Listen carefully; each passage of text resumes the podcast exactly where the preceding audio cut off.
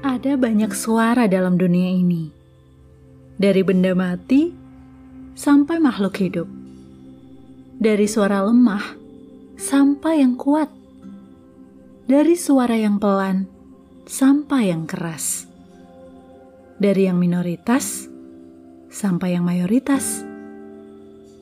Kebenarannya, tidak selalu suara mayoritas itu benar, sebab kebenaran tidak bergantung sedikit atau banyaknya jumlah.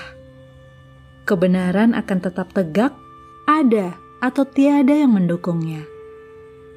Ada yang berbelok arah karena suara yang berbeda, bahkan karena sebuah bisikan, suara yang kecil namun meyakinkan.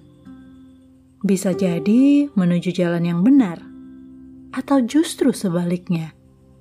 Bergantung suara siapa yang kita dengar, kompetensinya.